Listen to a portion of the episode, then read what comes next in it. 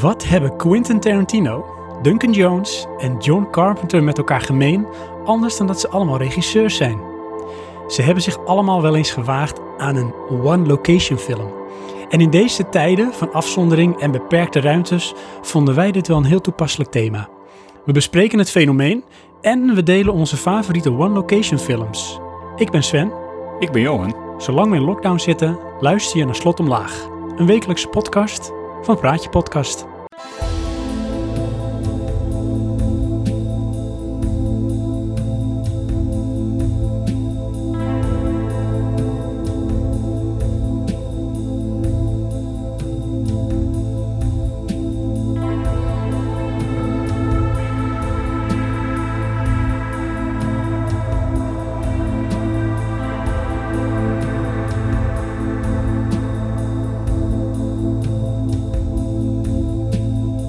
Hey, ik weet je, ik, eh lieve luisteraars, welkom trouwens weer bij een fijn half uurtje vermaak. En dat je even alle miserie van de wereld achter je kan laten. En gewoon even kan unwinden, zoals ze dat in Amerika mooi zeggen. Oh, ja. Hoe zouden ze dat in, Frank in Frankrijk noemen? Unwinden. Een unwinder. Unwinden of unwinnen. Een wen. Wine is vin. Unwinnen. Een wennen. Ja, ja, zoiets. Ja. Ik was even benieuwd, Johan. Ja. Ehm, we zitten natuurlijk allemaal nog natuurlijk in lockdown. Het is corona. We worden de hele dag mee gebombardeerd en doodgegooid. Gaan wij niet Nou, te veel valt doen. wel mee, want ik kijk dat allemaal niet. Ja, gelukkig. Dan ben je een van de gelukkigen. Maar ik ben wel benieuwd. En met mij eigenlijk heel luisterend Nederland. Want heel Nederland luistert naar ons, denken we. Hoe breng jij een gemiddelde dag door? Eh, werken. Ik werk vanuit huis. En eh, ja, praktisch ben ik aan het werken, aan het klussen en aan het studeren. Het is een soort eat, sleep, pray, repeat. Ja, zoiets, ja. In kern natuurlijk eh, werken eerst. Eh, dan tijdens het ontbijt probeer ik nog even wat te lezen van mijn studie. Dan ga ik na het werk ga ik meestal eerst een beetje klussen dan. Want we zijn, klussen wordt steeds simpeler. En dan ga ik misschien nog wat leuks doen. En dan studeren. En dan is dat het. Ik ben benieuwd, hè? Want dat klinkt zo van eh, klussen wordt steeds eenvoudiger. Is het omdat jij er gewoon en jullie er steeds beter in worden, of omdat er gewoon steeds minder te klussen valt? Nee, de, de klusjes zijn steeds simpeler. Dat is het gewoon. Ehm, kijk, eh, je hebt klussen is eh, een muur eruit slopen en klussen is een lamp ophangen. Snap En ik. de lamp is niet een lamp erin draaien, dat is gewoon een armatuur aan het plafond schroeven. Dat noem ik nog steeds klussen. Is dat ook onderdeel van eh, klussen met eikels? Of klussen met prutsers? Inderdaad, praatje prutses. Ja. Nou jeetje. Dat komt natuurlijk weer als we weer helemaal regulier zijn. Maar ja, voor nu moeten we het hiermee doen met deze prachtige anekdote. Sterker nog, daar gaat Oh jee. mijn tip straks over. Ah, maar dit dient niet straks. Ik vind het gewoon nu. Dat vind ik geweldig. Oh, Ja, zie. ehm, nou, tip hè. Eh, want ik denk dat een heleboel mensen thuis aan het klussen zijn. Want het is eh, nog steeds druk in de bouwmarkt. Boor geen gat in je CV-waterleiding. Klinkt op zich logisch. Ja, ja, dat was echt een absoluut dieptepunt vorig weekend. Ik heb de vloer helemaal nieuw gelegd. De muur is gestuukt en geschilderd. En toen wilde ik even eh, een soort opschuifplug in de muur boren. Eh, tenminste, niet eh, die plug te boren, maar een, plug, een gat boren voor de plug, zodat ik daar een plint op kan zetten. En in mijn strijdvaardigheid was ik even vergeten dat er in die muur een waterleiding zat. Oh, En toen heb ik dus vol door de waterleiding heen geboord. En toen spoot het water mijn eh, bijna afgeronde woonkamer in. Oh nee, niet over je prachtige PVC-vloer. Ja, wel. En tegen de wand. En toen ben ik in alle eil naar beneden gerend. Heb ik eh, de kraan van de cv-installatie opengezet, zodat de druk eraf viel. Eh, en de cv uitgezet. En toen heb ik mijn broer gebeld van, nou, sorry, maar je moet me nu komen helpen. En ben jij eh, dan zeg maar de persoon die mompelend en een beetje mopperend naar beneden loopt om dan het water uit te doen? Of ben jij de persoon die in blinde paniek met zijn handen zwijnt en gillend als een meisje naar beneden rent? Dat laatste. ja, echt eh, tot huilens aan toe bijna.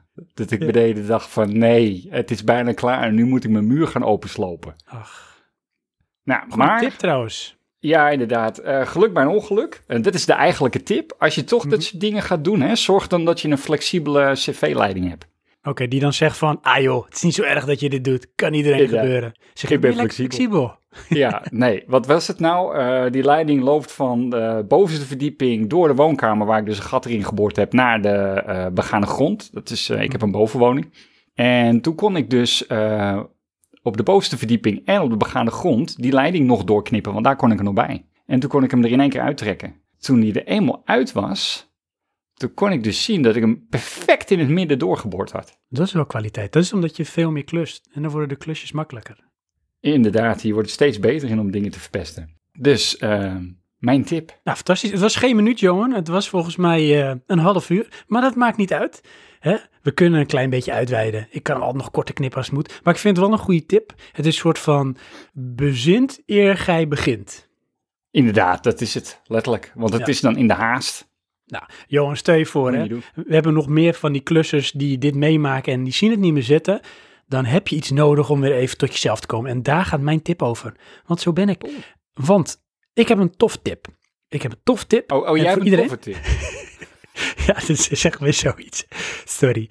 Uh, het volgende. Pathé Thuis. Die heeft een actie. Daar zijn ze maandag 6 april mee begonnen. En tot en met 28 april gaat deze actie door. En wat is dat? Elke dag een gratis film. Ja, ja, ja, voor iedereen die luistert. Spits maar dan moet je lid zijn of zo.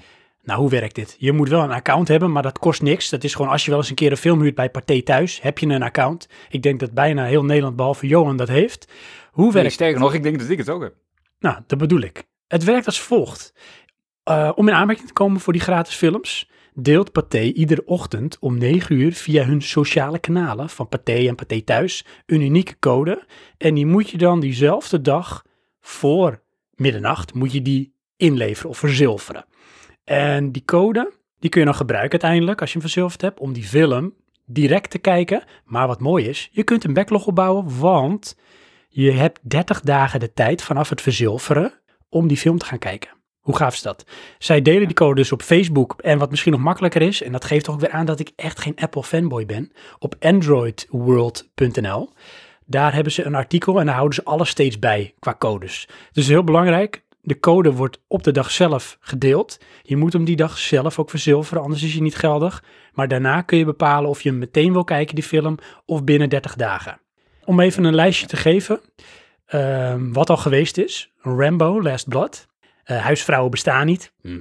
Disturbing the Peace, Chef. En vandaag, als we opnemen, is het Night Hunter.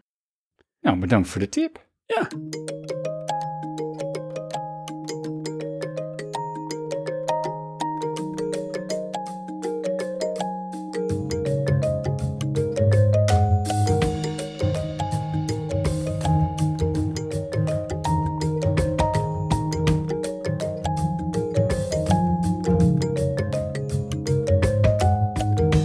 Johan, Johan, Johan.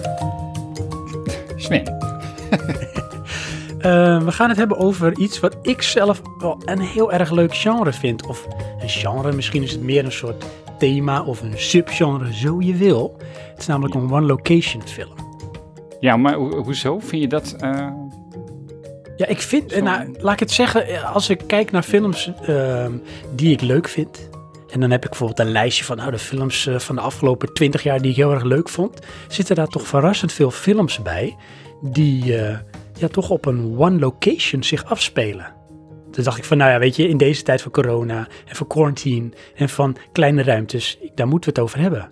En we moeten de mensen helpen met welke films moet je dan gaan kijken. Ja, of juist niet. Of juist niet. Dus we hebben natuurlijk ook allebei een lijstje gemaakt met films. Daar gaan we zo naar kijken. Maar eerst wilde ik heel even kort inzoomen, Johan, op de filmwereld. Want uh, ik denk dat de filmwereld, het zoals heel veel bedrijven, organisaties, instanties, branches, dat die het heel moeilijk hebben. Want heel veel films die al in première zouden gaan, die zijn uitgesteld of teruggetrokken. En het opnemen van heel veel nieuwe films, die, ja, dat is volledig stil komen te liggen.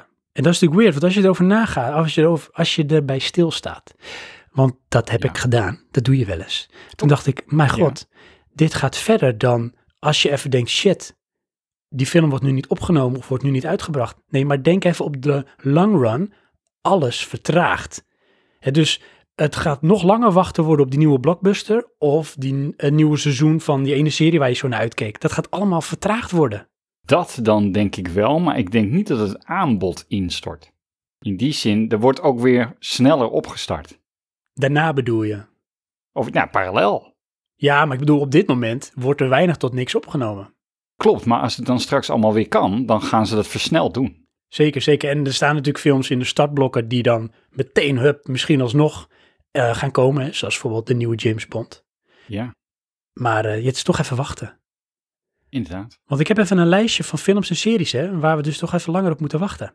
Oh, oh, Ben ik benieuwd, ben ik, ja, ben ik benieuwd naar een reactie. Mag je gewoon, gewoon out of the blue, mag je reageren? Mag ik gewoon reageren? Oh, wat Ja, leuk. En jullie luisteraars ook als je wil, maar we horen dat niet. Maar dat maakt niet uit. Gewoon doen. Laat je niet beperken door deze barrière. Mission Impossible 7. Is die er? Nou ja, de opnames daarvan, die liggen helemaal stil. Hoe heet die? Mission Impossible 7. Hij heet echt 7? Nee, ik weet niet wat de titel is. De subtitel. Ik heb eh, laatst wel ehm, die, die meest recente gezien. Ja, Fallout. Fallout, maar het kon mij niet bekoren, hè? Oh, vind ik weer jammer dit. Ja, sorry, ik vond het niks. Ja, het is, hoezo ik vond het niet. Het is toch gewoon een leuk film? Jawel, maar toch een Ja. beetje far-fetched allemaal. Ik weet het niet. Ja, Ik ben maar too old for the shit. Jammer dit. Ah, maakt niet uit. We gaan door. Avatar 2. Oh ja, nee, die ga ik echt heel missen. De Matrix, deel 4. Serieus? Ja, ja. Wist niet eens dat het speelde. Ja, die, zijn ze, die zouden ze gaan opnemen, maar dat, ja, dat ligt stil. En het is weer met ehm Keanu Reeves, of John Ja. Wick ondertussen. En, Ja. ehm, hoe heet ze ook weer? Carrie Moss? Kate Moss. Kate Moss. Carrie, Carrie Ann Carrie- Moss. Carrie Moss? Die, Kate Moss, ja. En eh Jada Pinkett Smith. Precies. Zo, dat bedoel ik. Jurassic World Dominion. Oké. dit- Sorry, maar hebben we het over ehm, vervolgen waar we niet op zitten te wachten? Of eh, films die uitgesteld zijn? We gaan door met series, Johan. Oh. Russian Doll. Wat, wat is dat? Oh, Russian Doll. Ah, die, als je die niet gezien hebt trouwens, hè, dikke aanrader, heel erg leuk. Dat is een soort eh, Groundhog Day in een serievorm. Echt heel tof, echt heel tof. Met die meid van eh, Orange is the New Black. Met het rode Ja. krullig haar. Ja, Stranger Things, nieuwste seizoen. Oh, dat draait ook nog? Ja, The Witcher, moeten we wachten. Ja, dat vind ik wel jammer.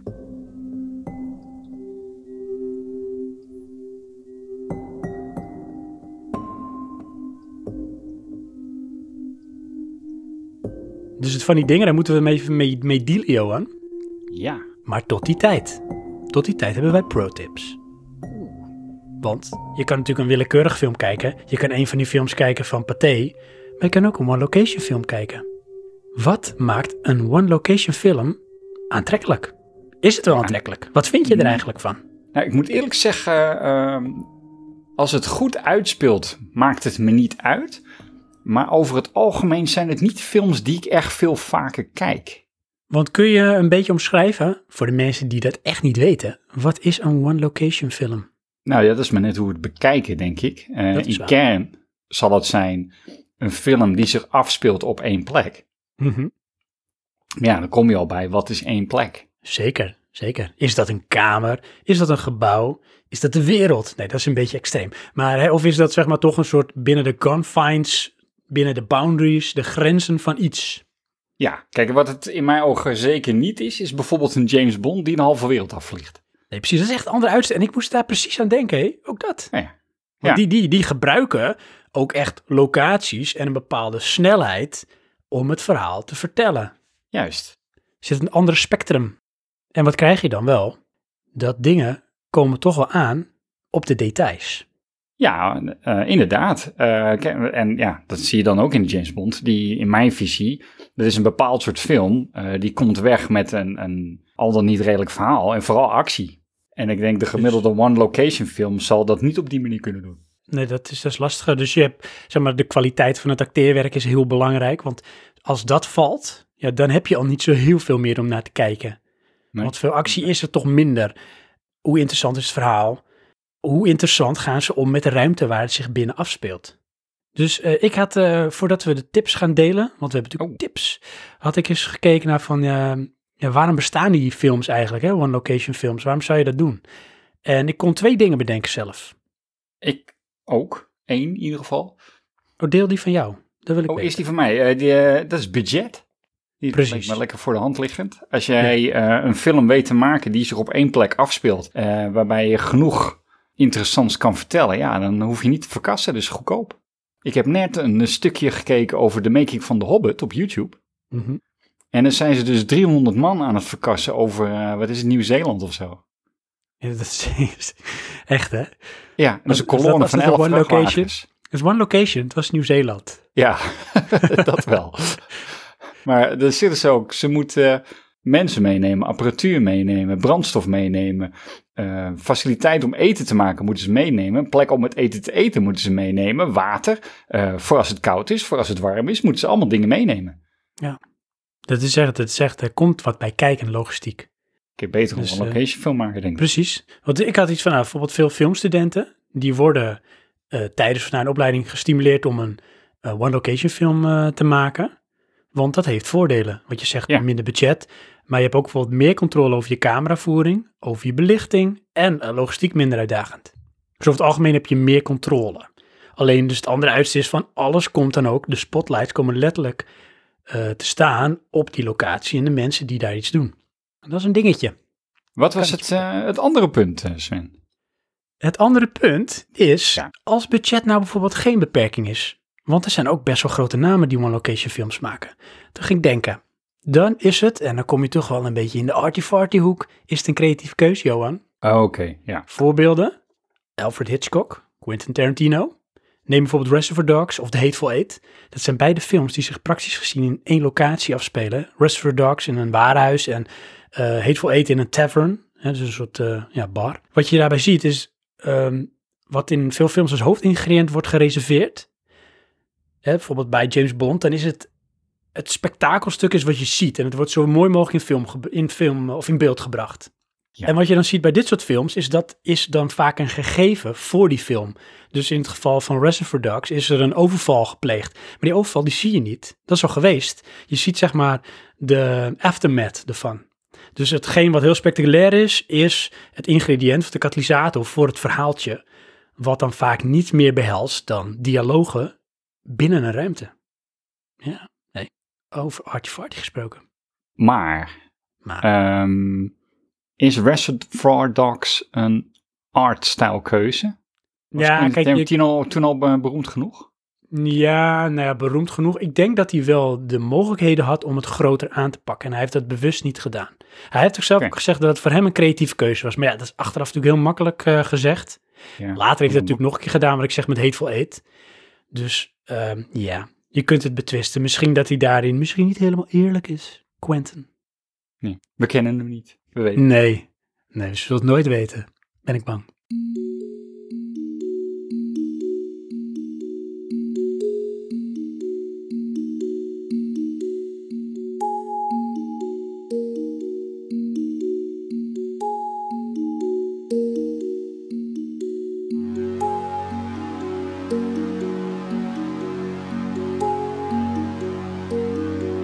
Voor het zeg maar, zeg maar de, de kerst op de taart, eh, de Ja. cream of the crop, het toetje, heb ik dus meegenomen. Wat hoort nou echt typisch bij films kijken? Popcorn. Popcorn, inderdaad. Ik zal Ik eet het nooit trouwens, hoor, maar dat is zijde. Ja, mijn dochter die is zo gek op zout popcorn, dus daar heb ik nu nog wat over. Slaat net op. Ja, het Als het toch moet, nog geen zout. Oké, nou ik vind zout op zich ook best wel lekker, moet ik zeggen. Ja? Ja, Dan weten we hoe je dochter eraan komt. Dat bedoel ik. En ik heb een... Een alcoholvrij biertje. Want ik ben natuurlijk de Bob, hè, als ik naar de film ga. Oh ja. ja. Dus die draai ik open. Dus jij ook erbij. En ehm, ik zou zeggen, jullie luisteraars, hè, sit back and relax. Neem ook lekker wat te eten en te drinken erbij. En dan gaan Johan en ik je bedienen met de beste films, of de slechtste films, of de meest bijzondere films, die zich op één locatie afspelen en die je zou moeten gaan zien. Johan. Oh, ik eh, knal ik ze er even allemaal gelijk uit? Nou, zullen we om en om doen en ehm, hou het beknopt. Hè? We hebben niet zoveel tijd. Nou, ik eh, ga beginnen met degene die we al besproken hebben. Reservoir Dogs. Echt serieus? Ja, Oh, wat staat op mijn lijstje. Had ik nooit verwacht. Vertel. Eh, en ik, ik vind het ook niet, mijn lijstje is niet de beste films. Mijn lijstje is de films die op mij indruk gemaakt hebben. Oké, dat is goed, hè? Goed onderscheid. In Reservoir Dogs, het is een oude film hoor. Ik heb hem, ik heb hem twee keer gekeken, maar de, de derde keer kreeg ik hem niet af. Ik vond het toen te traag worden. Eh, want er zit één scène in, die ik eh, niet ga vertellen. Eh, maar dan gaan ze iemand ondervragen. En dat maakte heel veel indruk op mij. Met name onderstreept door het feit dat ze een liedje gebruikten van George Baker. Ja. Ja, die eh, vergeet je nooit meer, Nee, denk ik. inderdaad. Dus die. True. Ja, aanrader van eh, Quentin Tarantino. Weet je ook toevallig uit welk jaar die is, Johan? Nee. Nee, ik eh, ben nooit zo van dat soort details fan. Uit eh, 1992 is deze film. Oh, ik eh, wilde 1991 zeggen, maar goed, dat was dan een schrap. Met uh, Harvey Keitel, Tim Roth en eh, Michael Madsen. Ja, Vaak namen die je ook terug ziet komen in eh, films van Tarantino. inderdaad. Goeie keus. Dank je. Graag gedaan. Wat zijn we toch politiek correct tegen elkaar, zeg. Ja, Ik neem ondertussen nog een uh, popcornje. kom door de afstand. Ik voel een Ik denk het, ja. Zal ik er eentje noemen? En ik denk dat je hem misschien ook wel hebt. Het is namelijk Alien. Nee. van Ridley Scott uit 1979. Een science fiction horror met in de hoofdrol Sigourney Weaver of Signori Webber, net hoe je het wil noemen. Tom Skerritt en John Hurt. En boy, Ja. dat is John Hurt. Kort even het verhaal voor de mensen die het niet weten, die onder een steen hebben geleefd of die heel jong zijn. Het gaat over een groep ruimtereizigers die een vracht ijsreds naar de aarde vervoeren. Ze krijgen een alien achter zich aan en eh, ja, die plant zich voort in het menselijk lichaam. En aan hun Ja. de taak om eh, ermee te dealen. En leuk voor die tijd, een vrouwelijke protagonist. Ja, dat was toen nog wat. Nou ja, mijn geboortejaar, hè. Dus die, oude, die film is al meer dan 40 jaar oud. En toch, Jeetje. ik kijk hem nog heel vaak. Hij eh, doorstaat de tand des tijds heel erg goed. Ja, is dat zo? Of is dat ook vanwege eh, nostalgie? Ja en ja en nee. Weet je waarom hij namelijk nog wel echt qua techniek goed is? Nou, oh ja, ja, dat weet ik. Practical effects. het Je ziet hem bijna niet, precies. Nee. Dus geen CGI. Het is het, eh, de monsters en de, de, creaties zijn bedacht door H.R. Geiger. Ja. En dat is een echt een man die echt waarschijnlijk een ontzettend diep frustratie in zijn hoofd had zitten. Zoiets. Want als je het ziet, het ziet er gewoon echt freaky uit. Ja, maar dat is het ook. Het is allemaal echt. Ja, precies. Dus ja, het het is niet dat je ziet van, oh ja, dit was de, de grafische kwaliteit van die tijd. Inderdaad. Wat ze ook zeiden, dat was het moment voor het eerst in de filmgeschiedenis dat aliens niet meer vriendelijk waren. Want tot die tijd over het algemeen waren aliens wel redelijk vriendelijk. Met misschien wat, ja, weet ik veel, eh, it came from outer space of zo na. Maar over het algemeen waren, was het concept een vriendelijk alien. Maar dit was gewoon echt geen geweten. Ik maak je helemaal af. Ja. Dat was nieuw voor die tijd. Een monster. Ja. Eh, als je hem wil zien, dan zul je hem eh, moeten huren bij Pathé. Oh, het moet bij of je koopt hem. Ja, moet, want hij is niet te streamen op een van de diensten zoals ik heb te, kunnen terugvinden. Aha.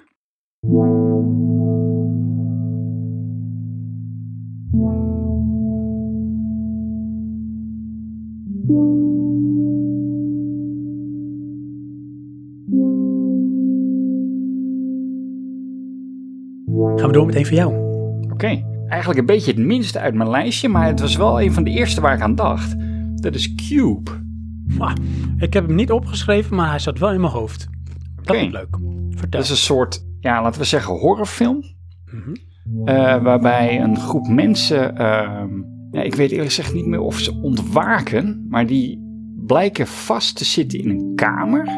Die willen daaruit ontsnappen, alleen, ehm, ja, dan gaan ze een beetje dood. Ja, ze gaan echt een beetje dood inderdaad.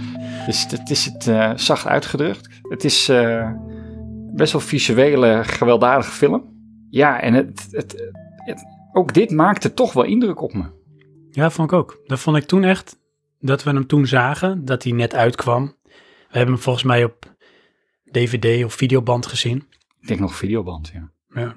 En het was echt van eh, inderdaad expliciet geweld, maar ook toch de hoeveelheid actie die je en een spannend verhaal dat je kunt creëren met zo weinig ruimte. Ja, Met de illusie van heel veel ruimte. ja het is toch apart hoor. Het is echt wel een soort puzzeltje als je erover denkt. Ja.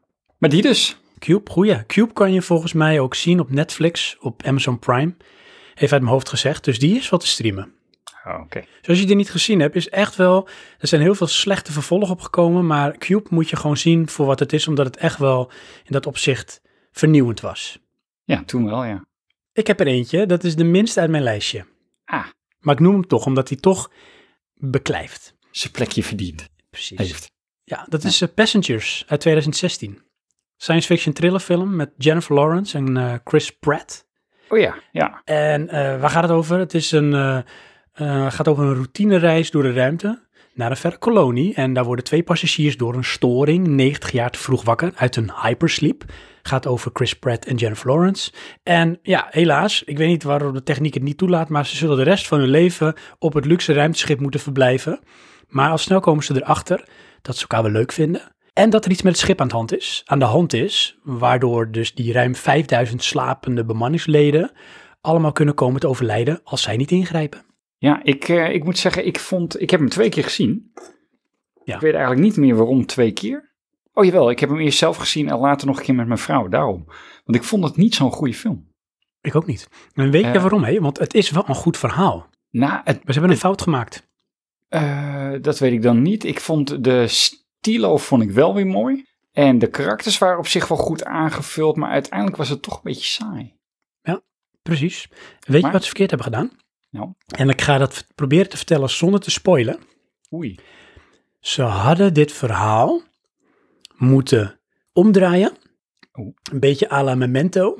Waardoor je pas op het laatst erachter komt wat nou eigenlijk precies de toedracht is. Want het begint bijna met de toedracht. En dat is zo Ja. jammer. Je had het Ja, moeten kunnen ontdekken als, als kijker van, hè, maar hoe zit het nou precies? En dan was het echt van, nee, Ja, ja, want dat is het inderdaad het ding. De film is een beetje te simpel. het is te simpel. Het is, het is daarom ook, ja, ik denk een beetje te veel voor, het moet voor iedereen een beetje wat wil zijn. En daardoor, ja, is het Ja. niet spannend genoeg. Eens. Zag er wel goed uit. Het zag er zeker goed uit. Ja hoor. Ik heb hem ook niet verveeld. Ik vond het alleen ja, niet een super boeiende film. Nee, inderdaad.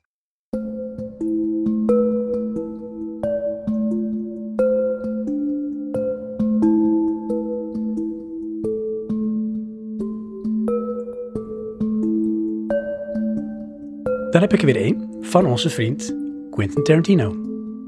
En ik heb hem genoemd The Hateful Eight uit 2015. Een western drama, daar is hij toch al goed in.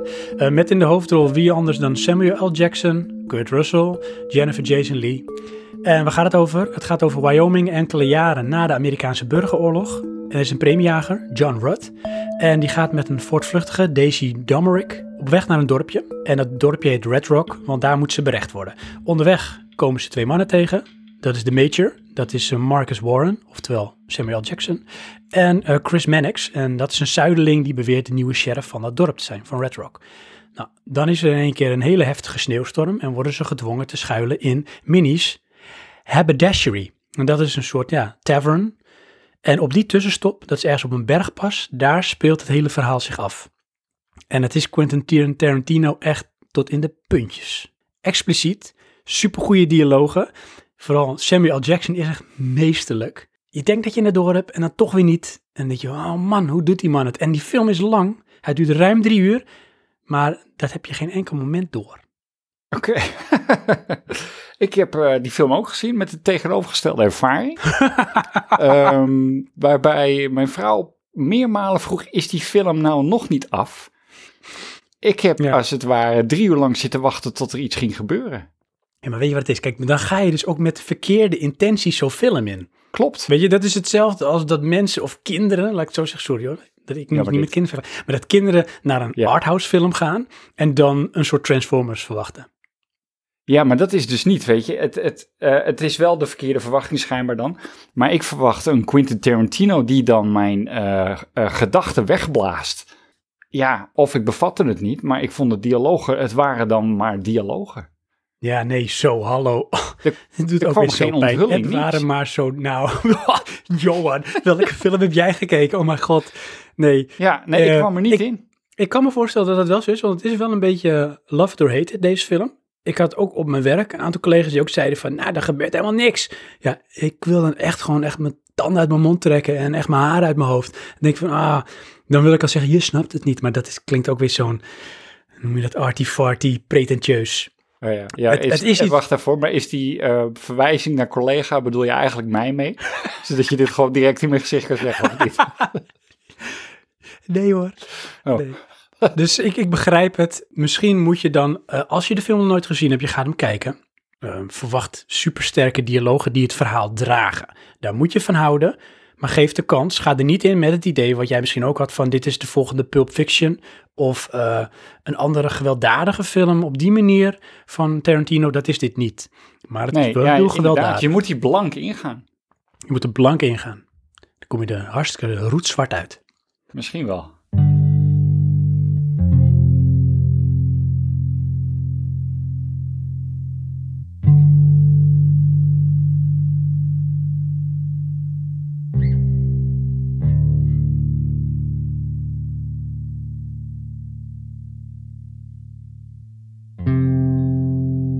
Mijn volgende? Ja. Even kijken hoor. Ehm, dan eh, ga ik over eentje hebben waar die ook al genoemd is. Ja. Groundhog Day. Nou, eh, waar gaat het over? Groundhog Day gaat over een nieuwslezer die eh, naar een klein dorpje eh, mag gaan, eh, genaamd Punxsutawney. Die heb ik even gegoogeld. Ja. En dan mag hij weer een verslag doen van, eh, wat is het? De uitspraak van een lokale bever die dan het seizoen gaat voorspellen. Punxsutawney Phil. Ja, Punxsutawney Phil. En die eh, verslaggever is een beetje eh, een negatief persoon die er helemaal geen zin in heeft. Dus die kijkt een beetje neer op dat hele verhaal. En die komt dan in de situatie dat hij elke dag opnieuw dezelfde dag beleeft. Ja. En ehm, ja, als ik het goed begrijp, gebeurt dat jarenlang. En ja, het is een soort ko- eh, een komische film. En die speelt zich af in dat plaatsje. Ja, als ik erover praat, heb ik gelijk weer zin om te kijken. Echt hè? Dit Ja. is echt ook zo'n typische holiday film. Ja, maar ook een beetje van het kaliber vind ik dan zelf. Ehm, tenminste, het doet hetzelfde bij mij, laten we het zo zeggen. Want als is er weer iemand op steentje getrapt. Back to the Future. Oh ja, ja, ja, ja, daar heb ik al gevoel bij. Maar het is ook een beetje die era hè? Ja, inderdaad. Maar het is echt die stilo, die era. En het is allemaal positief. En, eh, maar toch, ja, toch een vooruitstrevende film. Ja. Qua techniek dan. En een leuk verhaal. Bill Murray, onze vriend Bill Murray. inderdaad. Geweldig. En eh hoe heet die Chris van Get Alive? Oh ja, klopt ja. Die, eh dus de cameraman nog toch? Ja. Of ja. geluid, dat weet ik niet meer. Ja, hilarische scènes. Nee, je moet hem gaan zien. Als je hem nog niet gezien hebt, moet je hem echt gaan zien. En anders als je hem Ja. gezien hebt, moet je hem gewoon weer gaan kijken. Want dit is er inderdaad wel eentje van, ja, één locatie. En het herhaalt zich oneindig. Ja, maar dit is dan de uitzondering. Deze kan ik wel vaker kijken. Omdat je toch, ehm, omdat het iedere keer hetzelfde is, ga je zoeken naar details van is het wel zo goed hetzelfde? Ja, ik denk dat het ook best wel goed knap in elkaar zit hoor. Ja, wat dat ja. betreft. Dus die. Tof. Goeie.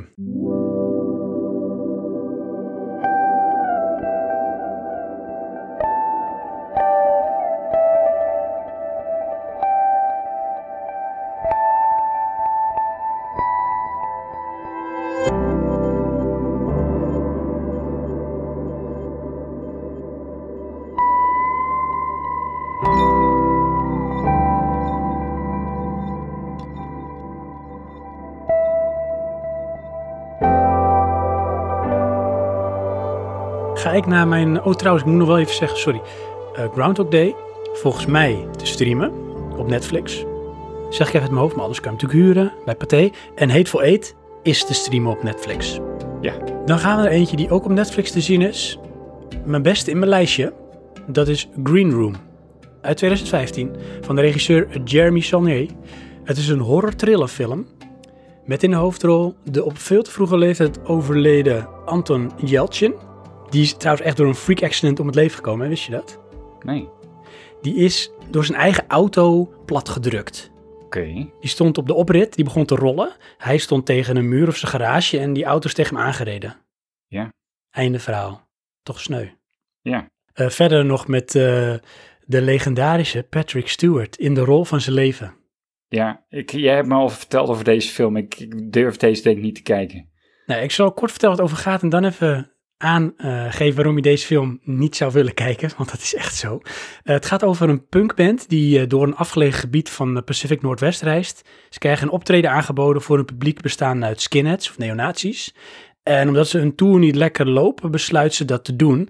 Dan komen ze aan, ze treden op, het lijkt goed te gaan. Maar na afloop eh, vindt er een incident plaats waar zij getuigen van zijn en mogen ze de ruimte waar ze in zitten, de green room, mogen ze niet meer verlaten. Dan begint er een kat-en-muisspel. Dan denk je, oeh, leuk, spannend. Maar eh, je hebt wel eens films die spannend zijn op een manier dat je denkt, oh, dat was cool, het is echt heel spannend. Maar deze is spannend op een manier dat je denkt, als ik die te lang naar kijk, ga ik spugen. Maar echt op een hele nare manier, want ik kan hier eigenlijk, ik wil hier niet naar kijken. Dit wil je niet. Ja. En zo wordt het ook echt in beeld gebracht en zo wordt het ook geacteerd. Het is eigenlijk zo ontzettend naar. Dat komt door expliciet geweld, maar ook door het acteerwerk. Want je hebt die groep, uh, die punkband, waar Anton Yelchin in zit onder andere.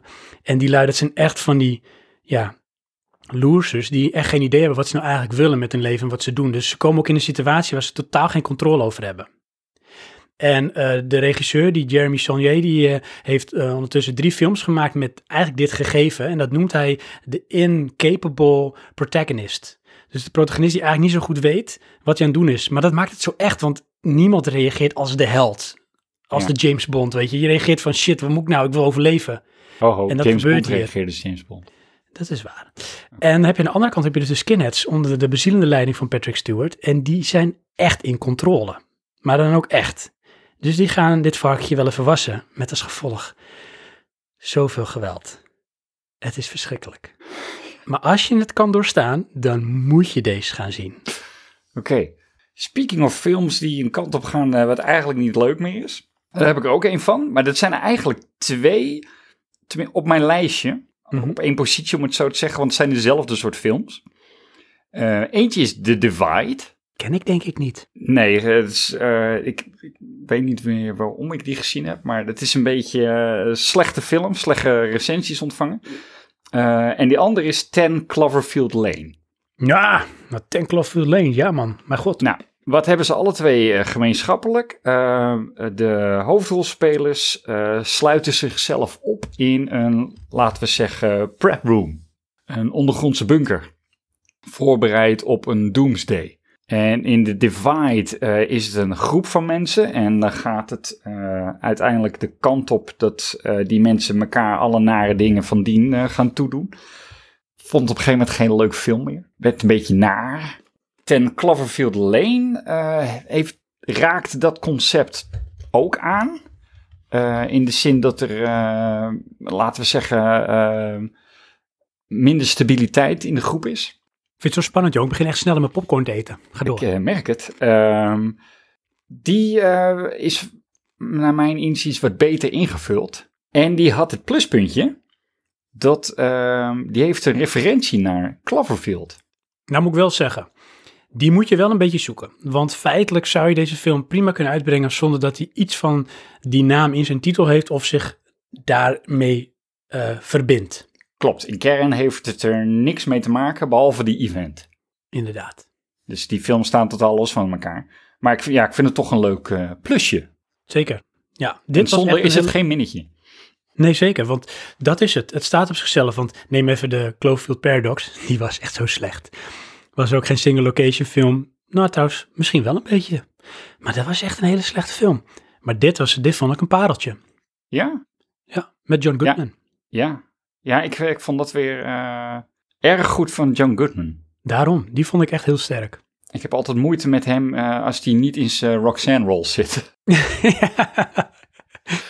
de, de gullible guy bedoel ik dan.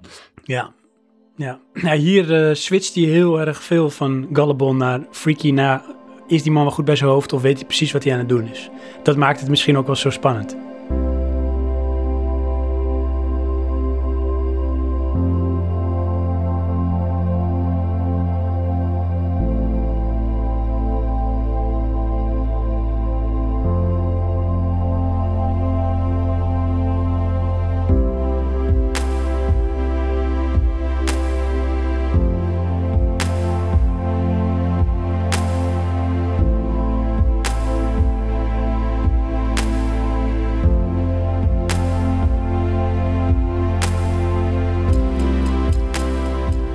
Het is tijd voor iets luchtigers, Johan, want dit is allemaal te eng. Over uh, neonazies en doomsday en prep rooms. We gaan het ja. hebben over een film uit 1985.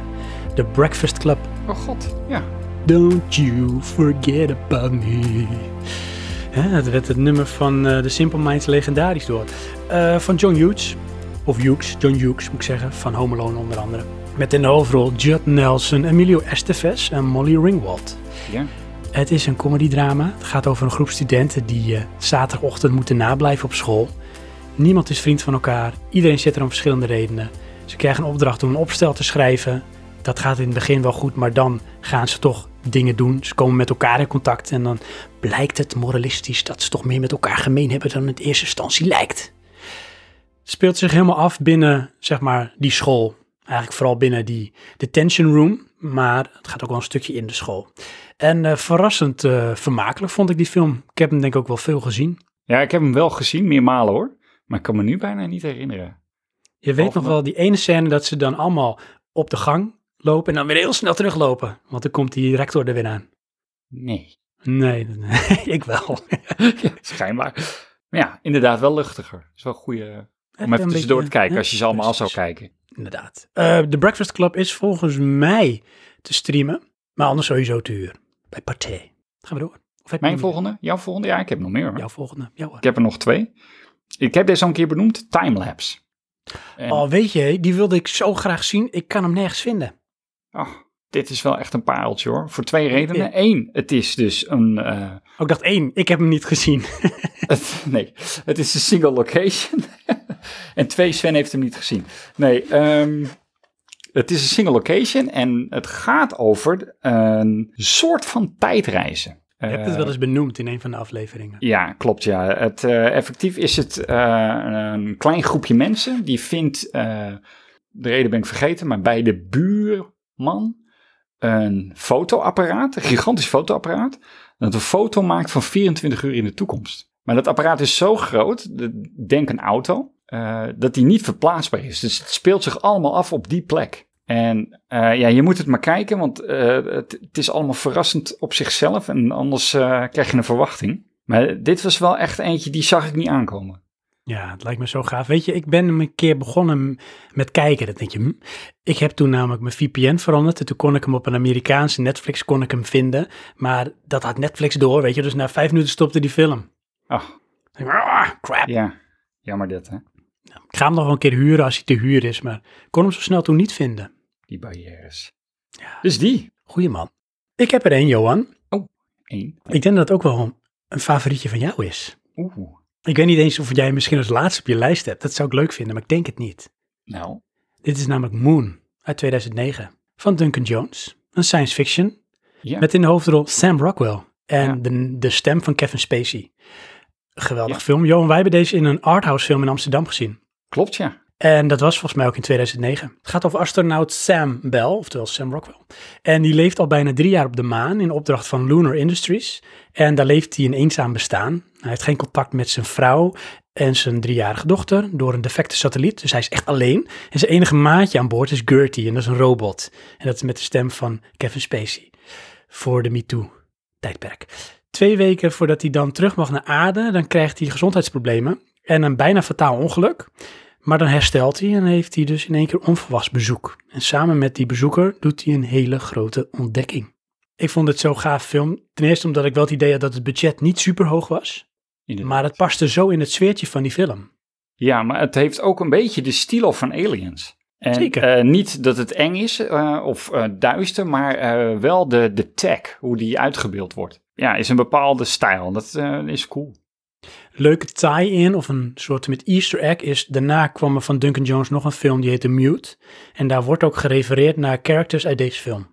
Oh. Mute was niet zo'n hele beste film. eh, maar dit wel, Moon. Dus dit is echt eentje, als je hem niet gezien hebt... we zitten in lockdown, die moet je gaan kijken. Ja, ja, dat is wel leuk. Hè? Maar die staat niet op mijn lijstje. Heb ik eerlijk gezegd helemaal niet aan gedacht. Oh, jeetje. Ja.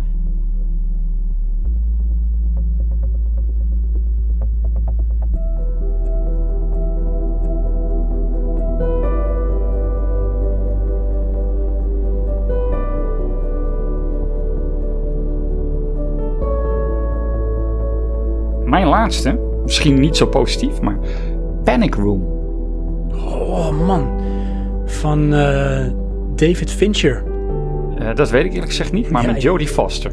Ja, en met eh, ehm, Twilight. Kirsten Ja. Stewart. Ja. Oeh, dat, dat, kan me, dat heb ik weer geblokt. Ehm, Mijn meisje met gezondheidsproblemen. waarom deze film zo'n indruk op mij maakte, is deze film zit vol met CGI. En je ziet het niet. En je ziet het niet. Dit was zo goed dat wij echt zoiets hadden van, nou, waar dan? Tijdens die, uh, toen die film uitkwam, waren wij nog echt aan het scannen met, oh, dat hebben ze zo gedaan, dat hebben ze zo gedaan. Maar bij dit zitten scènes in waar wij de making-of gezien hebben, dat ik dacht van, nou, dat heb ik echt niet doorgehad.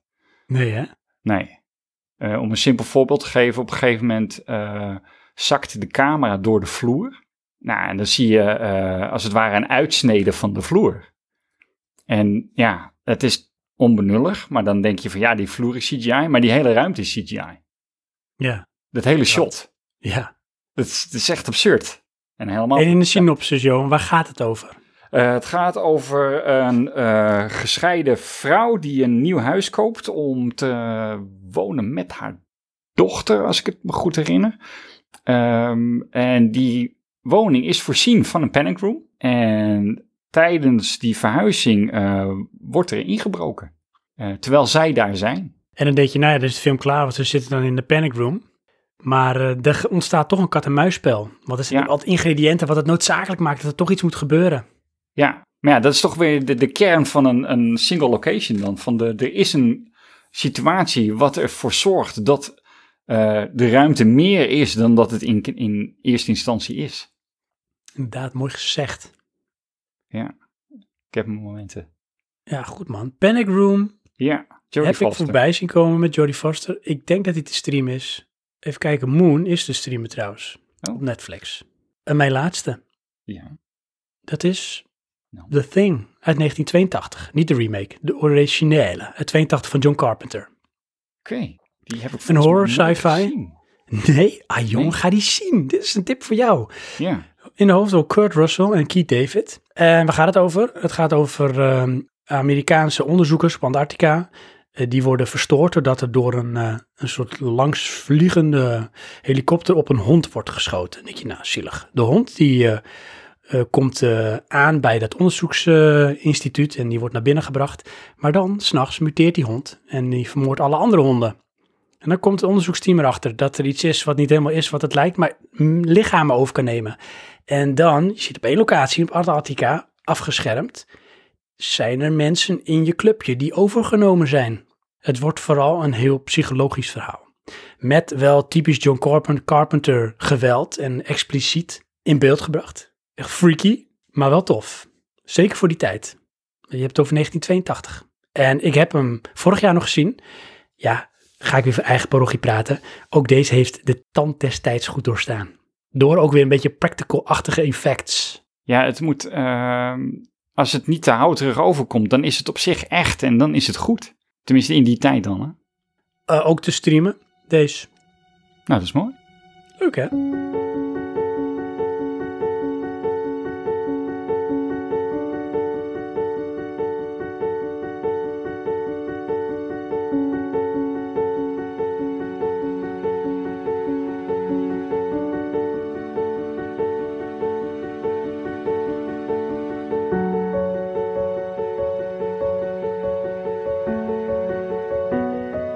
Hey Johan, uh, voordat we afronden, heb jij er nog misschien een paar honorable mentions?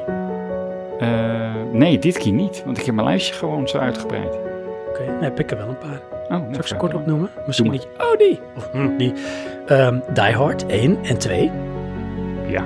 Respectievelijk in een gebouw en op het vliegveld. Home Alone. Ja. Over John Hughes gesproken. Je zei het net al, ja. ja. En uh, Dogville van Lars von Trier. Hele Oei. rare film, maar wel toch uh, interessant. Heb ik wel gezien, Oh, en- ik kan me niet herinneren. Nee, nou, ja, met Nicole Kidman. En het is eigenlijk soort theaterstuk. Hm. Ja, dat is echt weird. Hij is weird. Maar Lars van Trier is ook weird. Eh, en eh, die heb ik eh, vandaag nog een stuk gekeken. Eh, Rear Window van Alfred Hitchcock. Uit, wat zal het zijn, 1954. Nee, niet gezien. Met onder andere eh, Grace Kelly. Ja. Aanrader. Je Oh. moet er wel een beetje tegen kunnen tegen hè, dat het zo oud is. Maar het Ja. is echt verbazingwekkend goed. En wat die man, die acteur toch, of die regisseur bedoel ik, eh, kan doen met, met camera, beeld en eigenlijk het publiek manipuleren, vind ik toch wel verbluffend hoor. Zeker voor die tijd. Johan, hey, we komen de dagen wel door, denk ik zo, hè? Ik denk het ook. Luisteraars ook. Kun je een beetje gaan plannen welke dag je welke film gaat kijken van ons lijstje? Eh, ja, Ja, als ik ze kan vinden. precies. Hey, dat was hem weer. Ik zou zeggen, bedankt weer. Tot volgende week. Tot volgende week.